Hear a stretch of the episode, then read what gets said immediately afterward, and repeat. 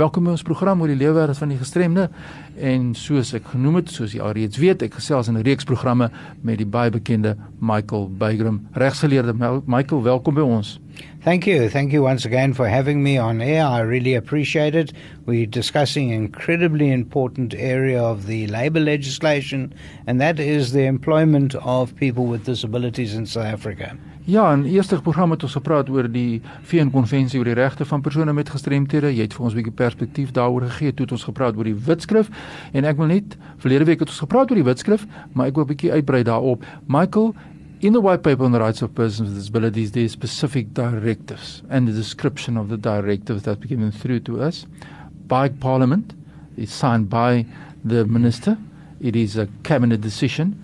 White paper must be implemented, but ek het die gevoel dat die ons nie 'n waghond is nog tans oor hierdie directives nie. We must be very very sharp on this issue. We must follow it up. And but what is the directives in terms of work and employment being given through by this white paper to us? Thank you. Yes, this is absolutely vital. The Minister of Labour, Minister Oliphant, has specifically outlined that we have less than 1% of our workforce is the disabled.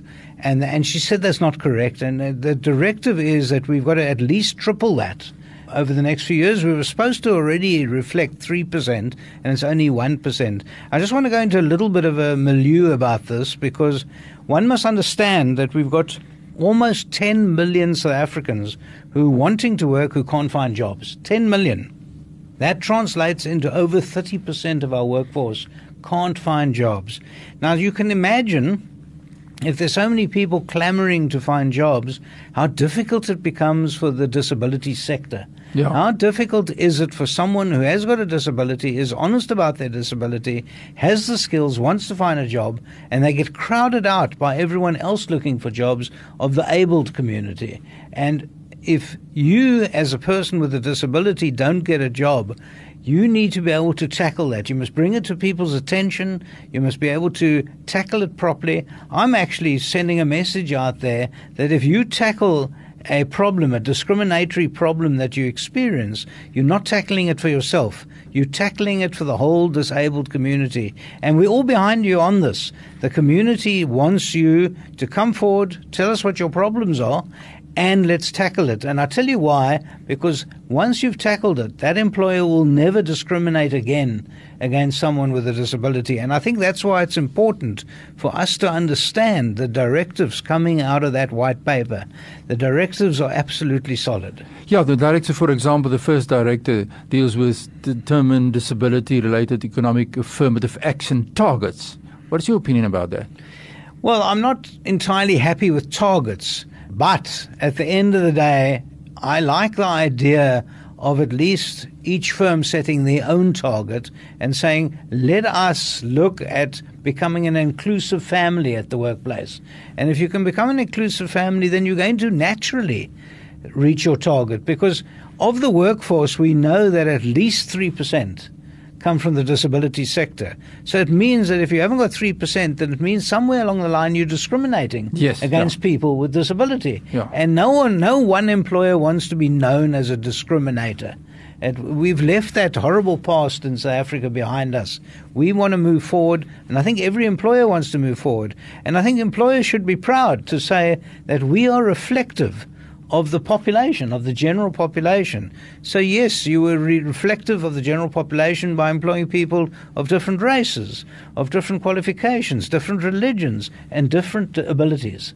And if we can bring in people with the different abilities, I'm telling you, you're going to have a much happier workforce and a much more functional workforce. But the problem and the challenge is also identified here in uh, the second uh, directive is that provide affordable vocational rehabilitation because we deal with skills development, we deal with rehabilitation issues, and unfortunately, the access to rehabilitation services is not that good in our country. It's not good, and we are living in a poorer country today. We've seen a lot of theft in the country from yeah. some of the big boys. Um, it's very sad because at the end of the day, who suffers? People such as in those in the disability sector suffer because there's no money for the training. But at the end of the day, em- employers do their own training. They train able staff. If I get a job, I'm able. I don't have a disability. But they still have to train me. Yeah. They still have to get me work friendly. They still have to get me to a position where I'm actually an asset to the firm. And it's no different for anyone else who has any disability, is no different to an able person. Everyone has to get trained, everyone has to be accommodated. We've all got our, our own needs and our own wants. And employers are more than happy to do it. Yes, we do find examples of employers that refuse to do it, or don't want to do it, or too scared or too nervous to do it. We need to go in there and train those employers. They need the training to be able to recognize that the disability sector is an asset to their business and very cheaply it can be done. In another program, we're going to discuss a court case against a very big bank who refused to help out a woman who developed a disability whilst at work. And the court case said it would have cost them less than 10,000 Rand to accommodate the woman. Ek sien uit na daardie inligting so. Dit is meneer Michael Baker wat met ons gesels. Michael is 'n kundige op die gebied van arbeid en arbeidswetgewing en hy het 'n baie belangrike belang by persone met gestremthede soos wat hy vir ons verduidelik het en is dankbaar dat ons hom kan hê. Michael, ja, jy het vir ons baie duidelik nou gesê dat die wetskrif is daar. Dit vertel vir ons die pad, maar ons het 'n verantwoordelikheid. Soos wat die totale land 'n verantwoordelikheid het, het ons as gestremde sektor ook 'n verantwoordelikheid. En as ek Engels kan gebruik om te sê we must be as more assertive. We must come forward. We must understand the white paper, what it's for, what it stands for, and what it, it's possible to do to get right through the white paper. We must also follow the directives and we take up the responsibility as being laid out or explained in the white paper. And next program, Michael gaan ons gesels oor vra wat mense het rondom Hoekom word daar nog dan teen mense met gestremthede gediskrimineer? Hoekom is ons nog nie by die targets wat ons wel graag wil hê nie? Hoekom is daar nog mense wat ongelukkig is? Hoekom kry ons soveel briewe van navraag van diskriminasie? En wat is die stappe wat mense moet volg indien hulle met diskriminasie in die werkplek te doen het op grond van die feit dat hulle gestremd is? En dit is die vraag wat ons gaan beantwoord. So as jy vra by die huis het, is welkom om vrae aan Michael te stuur of aan my te stuur stuur 'n kopie aan beide van ons toe. Ons kan kyk na hierdie vrae, ons kan 'n reeks programme doen soos ons nou genoem het. Michael, jou e-posadres. It's Michael M I C H A E L @bagrams b a g r a i m s.co.za. My e-pos is fani.dt by mweb.co.za. As jy nie toegang het tot e-pos nie, stuur 'n SMS aan Fani.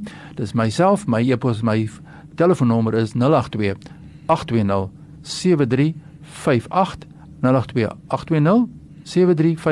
ons hoor graag van jou. Merk net baie baie duidelik as werk en diensneming of work and employment.